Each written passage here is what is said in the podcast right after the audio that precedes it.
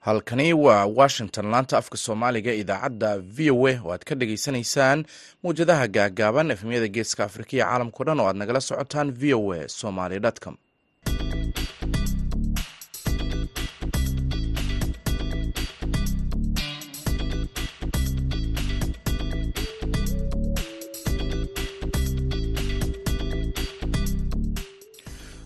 wanaagsan sanad wanaagsan dhegeystayaal meel walbo aad joogtaan. Waa isniin bisha jannaayana waa sideed sanadka labada kun iyo afar iyo labaatanka. Afrikada bari saacaddu waxay tilmaamaysaa kowda iyo barka duhurnimo. Idaacadda duhurnimo waxaa idinla socodsiinaya anigoo ah maxamed bashiir cabdiraxmaan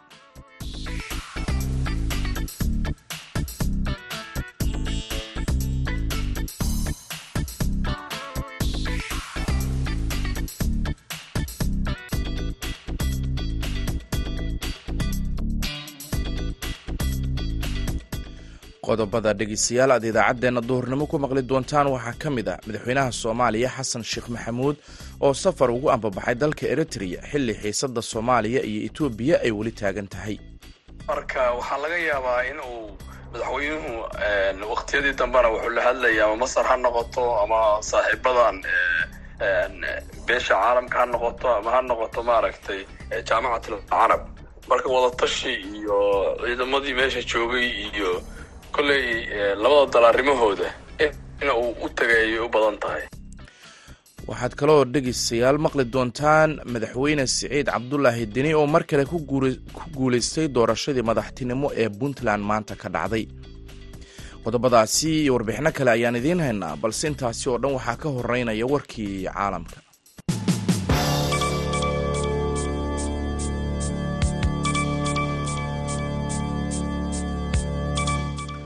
madaxweynaha maamulka puntland siciid cabdulaahi deni ayaa mar kale loo doortay hogaanka maamulkaasi shanta sano ee soo socota. Deni ayaa ku horreeyey saddexda wareeg ee doorashada maanta ka dhacday magaalada garowe isagoo wareeggii ugu dambeeyey helay afartan iyo shan cod halka musharaxa ugu soo dhowaa oo ahaa guuleed saalax uu helay labaatan cod doorashada puntland ayaa ku dhacday nidaamkii hore ee baarlamaanka ee ka kooban lixdan iyo lixda xubnood ee soo doorta madaxweynaha. Siciid cabdulaahi deni ayaa xilka soo hayay shantii sano ee la soo dhaafay. Deni ayaa loolankan ku wajahayay siyaasiyiin caan ah oo xilal kala duwan ka soo qabtay heer federaal iyo heer maamul goboleed kuwaasi oo ay ka mid ahaayeen wasiiradii hore ee arrimaha dibadda axmed cawad iyo abshir jaamac haruuse iyo sidoo kale guddoomiyihii hore ee guddiga doorashada puntland guuleed saalax barre. Puntland ayaa markii hore qorsheynaysay doorasho qof iyo cod ah balse khilaaf siyaasadeed kadib ayaa dib loogu laabtay. Habkii soo jireenka ahaa ee ku salaysnaa codbixinta baarlamaanka lixdan iyo lixda xildhibaan miino waddada dhinaceeda lagu aasay ayaa isniinta maanta ah waxa ay dishay ugu yaraan shan askari oo ka tirsan booliiska bakistan kuwaasi oo loo daadgureeyey si ay u ilaaliyaan shaqaalaha tallaalka dabaysha ee waqooyi galbeed bakistan sida saraakiishu ay sheegeen iyadoo weerarkan ay sheegatay kooxda taxriig ee taalibaan bakistan oo loo yaqaano t b b degmooyinka bakistan ee ku teedsan xadka afghanistan ayaa waxaa ka dhacay weeraro kordhay tan iyo markii taalibaan ay dib ula wareegtay awoodda afghanistan labadii kun iyo koob iyo labaatankii. Islaamabad ayaa ku eedeysa kaabul inay siiso maleeshiyaadka ay xulafada yihiin ee t b b waa t t b sidoo kalena loo garan og yahay taalibaanta bakistan waxaana ay sheegtay in kooxda loo ogolaaday inay weeraro ka soo qaado gudaha afghanistan t t p ayaa qoraal ay soo saartay waxay ku sheegtay inay ku guulaysatay qarax miino oo ay la beegsatay gaari ay booliisku leeyihiin oo marayay degmada bajuur oo afar iyo toban kilomitir u jirta xadka afghanistan. Warkii dunidana dhegeystayaal waa naga intaa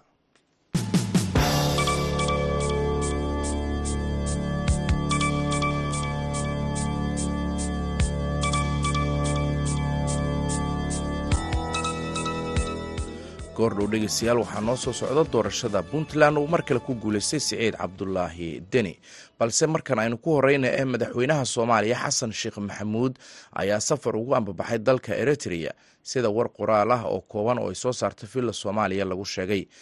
Villa soomaaliya ayaa tilmaamtay in madaxweyne xasan sheekh maxamuud uu kulamo la qaadan doono madaxweynaha dalkaasi asayas afwerki socdaalkan ayaa waxauu ku soo beegmayaa xilli xiisada soomaaliya iyo etoobiya ee ka dhalatay heshiiskii is-afgaradka ahaa ee ay kala saxiixdeen dowladda ethoobiya iyo somalilan taasi oo dowladda soomaaliyana ay waxba kama jiraan ka soo qaaday.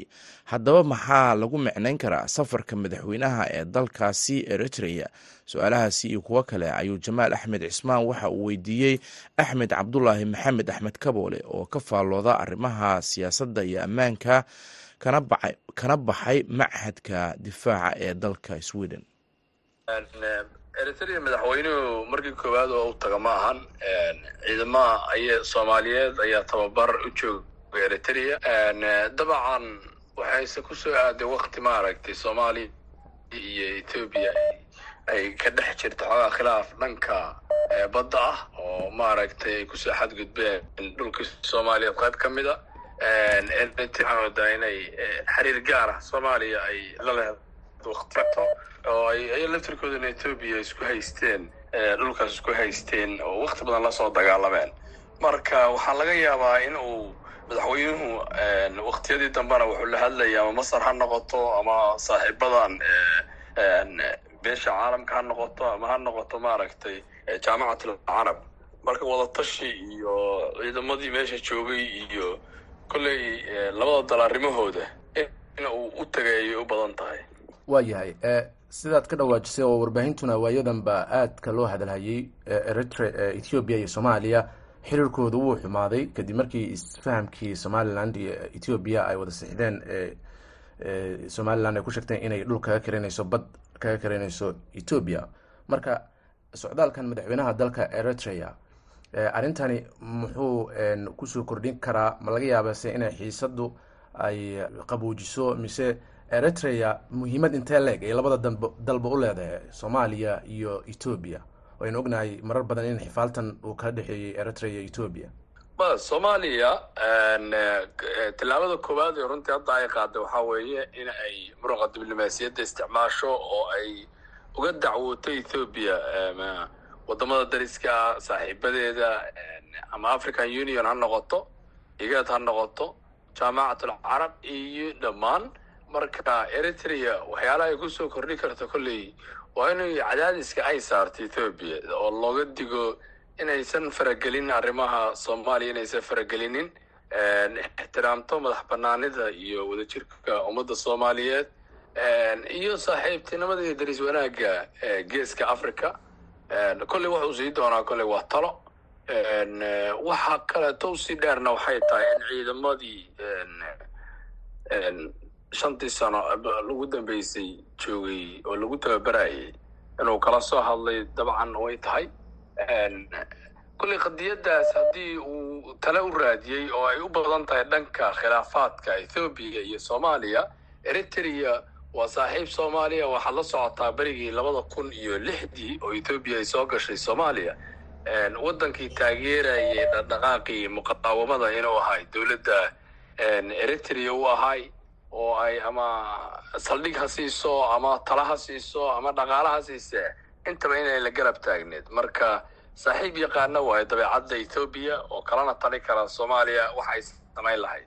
Axmedow dhinaca kale marka la fiiriyo xiisadani maxay kula muuqataa maxayse ugu dambeyn ku dhammaan kartaa baas leedahay soomaaliya haddii ay qaado waddada saxda? Sida hadda aad sheegto kolley waxay isticmaalaysaa diblomaasiyad ahaan inay etoobiya dalalka adduunka iyo ururada caalamka ay ku dacweyso. Soomaaliya maxaa la gudboon? Runtii aragtidayda markii aan fiiriyo tillaabadana waa tillaabooyinkii waxay la mid tahay etoobiya isku soo dayi jirta qarniyo horeeto. Qarniyadii ugu dambeeyana iyo waktiyadii ugu dambeeyana ama lixdan iyo afartii ha noqoto toddobaatan toddobadii ha noqoto labada lixdii ha noqoto. Etoobiya mar kasta waxay ku taamaysay maadaama ay yihiin dhul xiran ay yihiin inay bad helaan. Mar kastana doodahooda markii aa fiirisid waxay leeyihiin inay baddan soomaaliya ama xoog ama xeel in ay ku helaan. Dadka soomaaliyeedna waa hortaagnaayeen waanaan waana diideen qadiyadaas waa diideen. Soomaaliya waddada hadda u furan waxay tahay dalku waa iska burbursan yahay oo dadkii soomaaliyeed laftirkoodii ayaan dowladnimadii ku heshiinin ayagiyaa kala qoqoban ayagiyaa qaran ahaan aan u dhisnayn. Soddon sano dalkiiyaa si kala u burbursan ayagiyaa federaal maaragta qabaliya ka dhex jira oo badanaa isku mashquulsan. Etoobiya iyo dhammaan cadowguna waa arkaa laftirkeeda waxay la daalaadhacayaan argagixiso ilaahay ku ebtaleeyey oo runtii dhibaato weyn ku haya horumarka iyo ammaanka. Marka waxyaalaha la gudban waxay tahay hadda aragtidayda in ay isticmaalaan waddada diblomaasiyadda isla markaana focuska saaraan in ay u midoobaan dalkooda iyo dadkooda ciidamadooda ay dhistaan. Ama badda ha noqoto ama beriga ha noqoto si dalkan iyo dadkaana badbaado u helaan cadowgana looga badbaadiyo. In soomaalidu is isto diblomaasiyaddana isticmaalaan arrimaha somalilan iyo soomaaliyana. Runtii waxaan qabaa dadka soomaaliya inay inay arrintooda fadhiistaan. Somalilan lala hadlo dad cuqaala waxgarad ah fahmaya waxaa jira iyo qadiyadihii soo jiray oo nacaybkan siyaasadeed meel la iska dhigo oo dhulka iyo mustaqbalkiisa laga hadlo arrintaas ay la tahay inay inay tahay. Waxay ku dhammaan doontaana kolley soomaaliya ma ogolaa doonto dadka soomaaliyeedna ma ogolaa doonaan in dhulkooda la qaato. Shalaba waa arkaysay booraba banaanbixi ka dhacaya dadka sida ay u kaceen shacuurtooda iyo dareenkooda ay ku muujinayeen. Marka soomaalida waxaa la gudboonaa is leeyahay waddada diblomaasiyana inay qaado dalkooda dadkoodana ay dhistaan si ay u difaacdaan badqabka shacabka iyo dhulkaba axmed aad baad umahadsan tahay kaasina waxa uu ahaa axmed cabdulaahi maxamed axmed kaboole oo ka faallooda arrimaha ammaanka iyo siyaasadda oo qadka telefoonka ugu warramayey jamaal axmed cismaan. Markana dhegeystayaal waxa aan ku nadsanaynaa heestan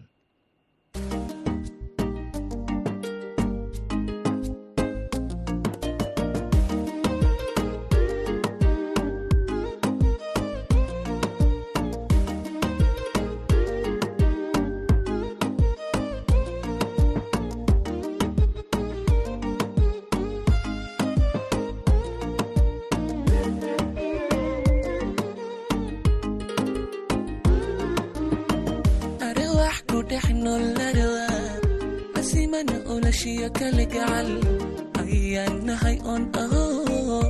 indhaha egamada indhaha kufama ayarbaygu yal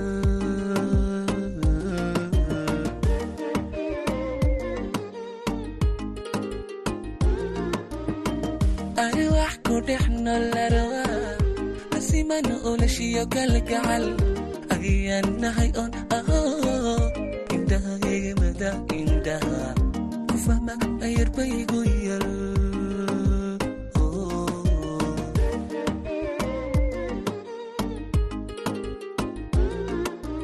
erynurkaaga oh. jira afkaaga aadan ka qirin ereyga muuqaagu sido qalbiga akhristan nehe ayaan badnida macaan.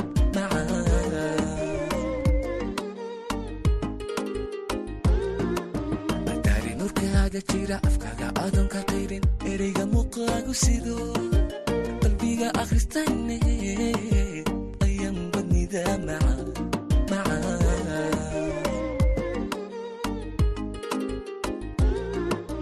dadakiya uunkiyo arliga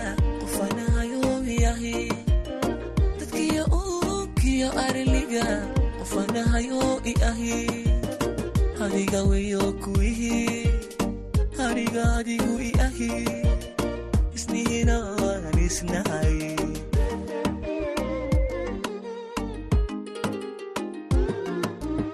Dadkiyo uunkiyo arliga qofan ahay oo i ahi dadkiyo uunkiyo arliga qofan ahay oo i ahi hadigaweyo kuwihi anigaadigu i ahi fadhiisnahay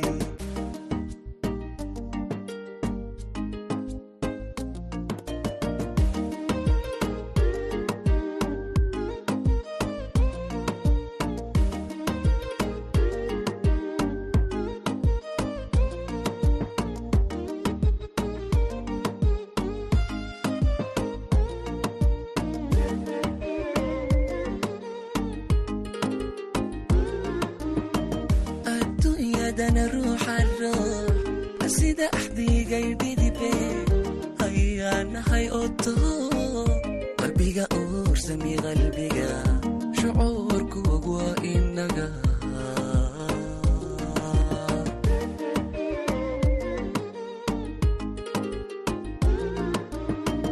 Adduunyadana ruuxa ruux sida axdigay dhidibe ayaa nahay odo qalbiga uursami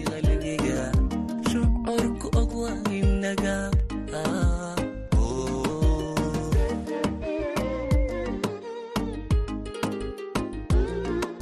indergarad macalino arrinta igaare badiba adniga ka dadan arwaax fahantate aqoon badnida macaa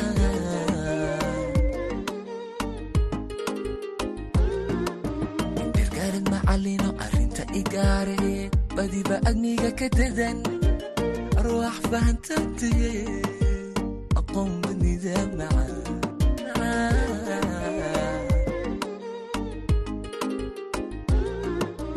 dadkiya uunkiyo arliga qofanahayoyahi dadkiya uunkiyo arliga qofanahayo i ahi adiga weyo kuwihi aniga adigu i ahi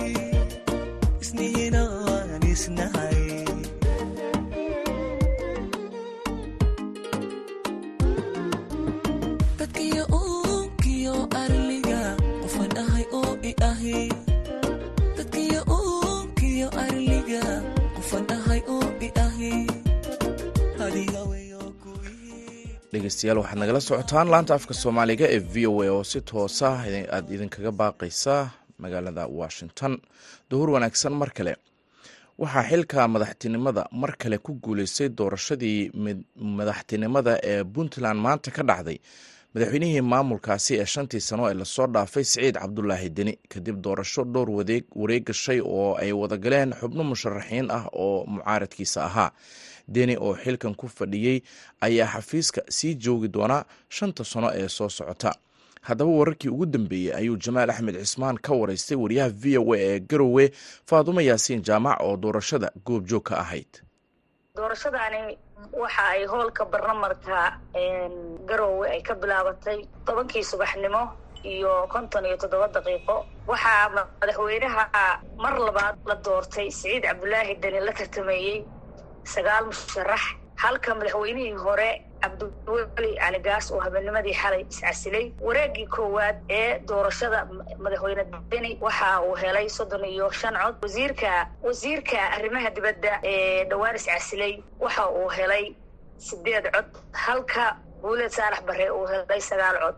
Marka wareegii labaad waxaa u gudbay madaxweyne deni oo helay soddon iyo shan cod. Doctor guuleed saalax oo helay sagaal cod. Iyo huruuse oo helay sideed cod waayahay marka siciid cabdilaahi deni ayaa dabcan ugu dambeyn ku guuleystay doorashada. Sidee buu xaalku ahaa doorashadase meeqa wareeg ayaase laisla aaday? Mar haddii wareegii koowaad madaxweynaha puntland uu helay madaxweynaha hadda xilka haya ee mar kale ku guuleystay doorashada uu helay shan iyo soddonka cod. Wareega labaad ayaa madaxweynaha madaxweyne deni waxa uu helay afartan cod. Halka guule saalax bare uu helay toddobiyo toban cod abshir cumar huruuse wasiirkii hore arrimaha dibaddana waxa uu helay sagaal cod. Sidaa waxaa wareegii saddexaad u wada gudbay guuleed saalax bare iyo madaxweynihii xilkiisu dhammaaday ee iminka dib loo doortay doctor sayid cabdulaahi deni. Wareegii saddexaad ayaa waxaa madaxweyne deni helay afartan iyo shan cod halka guuleed saalaxna uu helay kow iyo labaatan cod. Marka sidaas ayaa mar labaad dib loogu doortay madaxweynaha puntland siciid cabdulaahi deni waana markii ugu horreysay oo madaxweyne puntland ee mudaxileedkiisu dhammaaday dib loo doorto. Waa ta waxaan u fahmay in madaxdii ka horreysay ay xilka doorashada marka labaad ay soo taagaan aysan ku guuleysan jirin oo musharax cusub uu soo bixi jiray. Mucaaradka iyo sidee bay arrintan uga falceliyeen oo doorashada waxaynu ognahay in muddo khalalaase laga baqayay oo qaabka doorashada loo galayo muddo badan la isku haystay marka sidee baa looga hadlay dadka siyaasadda adurase iyo mucaaradka iyo guud ahaanba waxgaradka reer puntland? Doorashadani saa ka dhacday. Doorashadu way socotaa oo madaxweyne ku-xigeenadii oo kow iyo tobana ayaa tartamaya. Way socotaa. Ilaa galabnimadii ayaa laga yaabaa inay soo gabagabowdo. Marka sharaxii u dambeeyey ee uu ka guulaystay kow iyo labaatanka cod helay waa u hambaliyeeyey waana soo dhoweeyey waana la shaqaynaya ayuu yidhi mucaarad weli hadlana ma jirto. Natiijada guushuna waxa ay raacday madaxweyne deni oo mar kale shan sano inuu hogaamiyo puntland dib loogu doortay bal ka waran faadumo haddaad ka warbixiso jawiga guud ee hoolka doorashada intii saaka ay socotay iyo markii doorashada madaxtinimada ee madaxweynenimada ay soo gabagabooday dabcan sidaad noo sheegtay tii ku-xigeenada ayaa weli socota. Jawiga sidee buu ahaa wareegii koowaad ee doorashada markii madaxweyne deni uu helay soddon iyo shan cod natiijadana lagu dhawaaqay saddex musharaxna ay isku hareen. Gule saalax oo helay sagaal cod iyo abshir cumar huruuse oo helay sideed cod.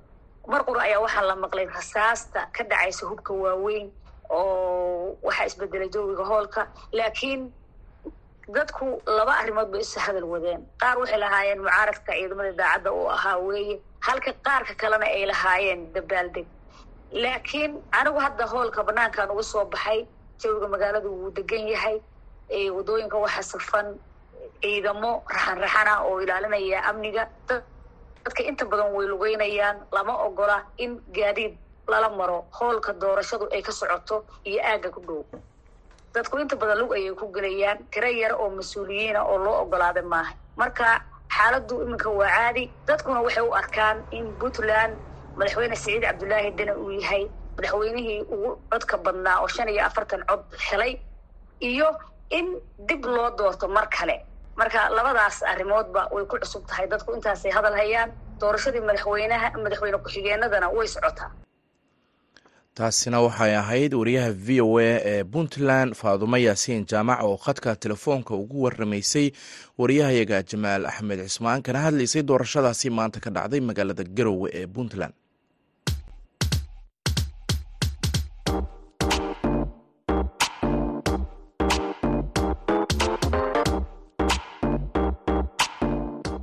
idaacadda v o a waxaad si toos uga dhegaysan kartaa efemyada magaalooyinka geeska afrika. Haddii aad joogto magaalada muqdisho waxaad v o a ka dhegaysan kartaa v o e da f m teda sagaaliyo sagaashan dhibic sagaal iyo raadiyo muqdisho f m teda sagaashan dhibic eber eber. Redio kulmiye f m ta sideed sideed redio resala hal eber labo dhibic labo hargeysa sideed sideed dhibic eber v o a. Haddii aad kismaayo joogto v o e da waxaad ka dhegaysan kartaa raadiyo sooyaal f m sideed sideed dhibic eber gobolka hiiraan hiiraan weyn f m sagaashan megaherts redio baydhaba siddeetan iyo sagaal dhibic shan f m. Haddii aad joogto puntland v o a waxaad ka dhegaysan kartaa s b c radio boosaaso siddeetan iyo sagaal dhibic sagaal f m qardho siddeetan iyo sagaal dhibic sagaal f m isla mawjadahaasi waxaad ka dhegaysan kartaa waaciya iyo garowe. Wajeer waxaad naga dhegaysan kartaa star f m sagaashan iyo toddoba dhibic saddex. Mandheera waxaad naga dhegaysan kartaan star f m sagaashan iyo toddoba dhibic shan. Dhadhaab waxaad naga dhegaysan kartaan star f m sagaashan iyo toddoba dhibic hal iyo sagaashan iyo laba dhibic afar. Waxaa kaloo aad naga dhegaysan kartaan boqol iyo toddoba dhibic lix f m. Xagar dheerna waxaad naga dhegaysan kartaa sagaashan iyo toddoba dhibic hal f m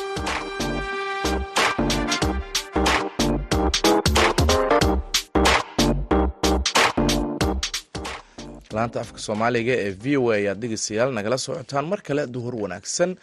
Goordhow waxaan idiin soo qabanaynaa heesan oo dabcan daqiiqadaha idaacadaha nooga har waxaan idiin soo qabanaynaa heestan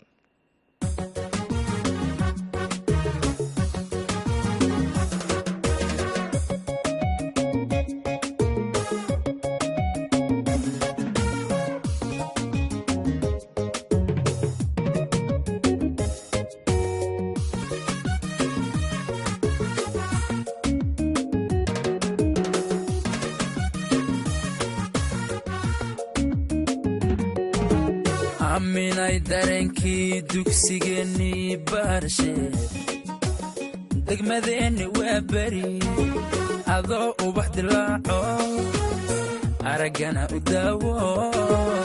Dumarugu nasiihi badan.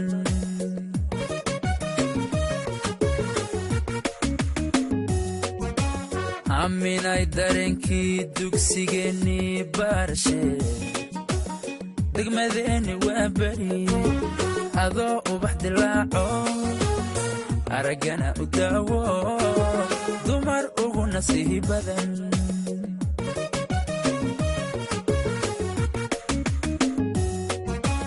Waalidku dadaalo daacadku ahaaba diinta kugu barbaarsho quruxdiyo dadnimaadiyo degaanidadu dhalataa damacii ii hagaayiyo dookhaygu kula dhacay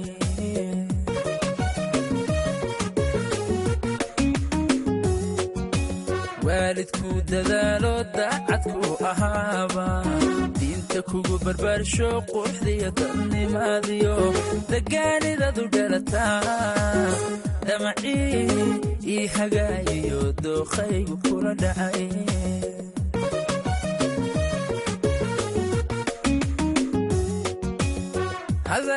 dadayo dibnahaygu diideen inaan dibadda keenana degdegu ma fiicne dib hay xishada yidhi aminaa dareemiye dadku yay ogaan kaleen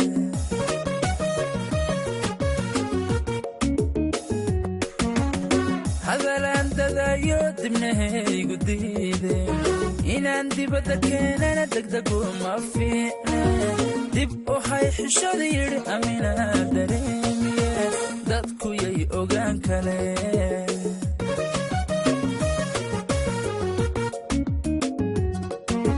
anoo gaadhi wada dadan degaan dheer u sii wado duhur xamar ka soo baxo doogu quruxdu daawanaya kaymaa rabbi noogu deeqee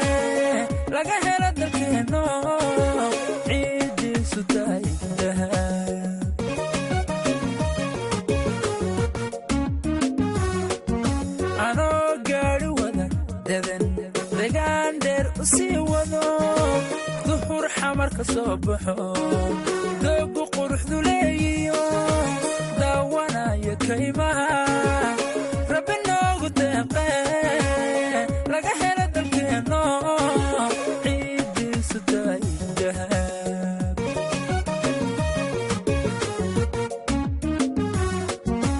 jawharo dalxiis loo dalagiya beeru. Durba wada baxeeno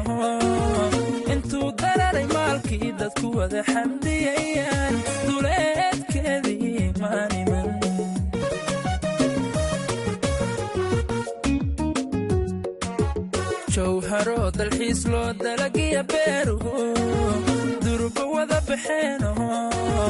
Intuu dararay maalkii dadku wada xamdiyayaan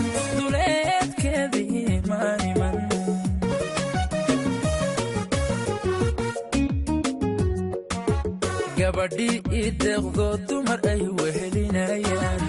Intu dadkii xidhay xalay webiga ay dul joogaan. Sawdayma kuma arag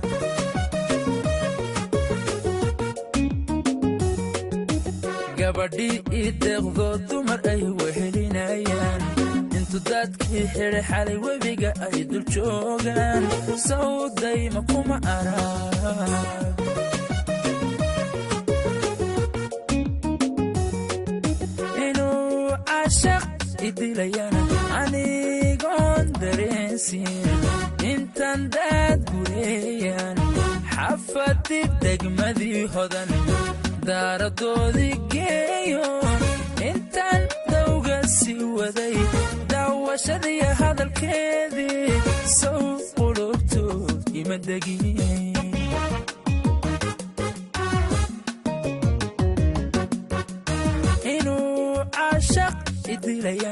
anigoon dareensiin intan daad gureeyaan xafadi degmadii hodan daaradoodii geeyo intan dawga sii waday daawashadii hadalkeedii sow qulubtood ima degin codkaasi fanaanka si waxa uu gebagaba u ahaa idaacaddii duurnimo oo si toosa ah idinkaga imaanaysay laanta afka soomaaliga ee v o a. Tan iyo kulanti dambe dhegeystayaal waxaan idin leenahay nabadgelyo.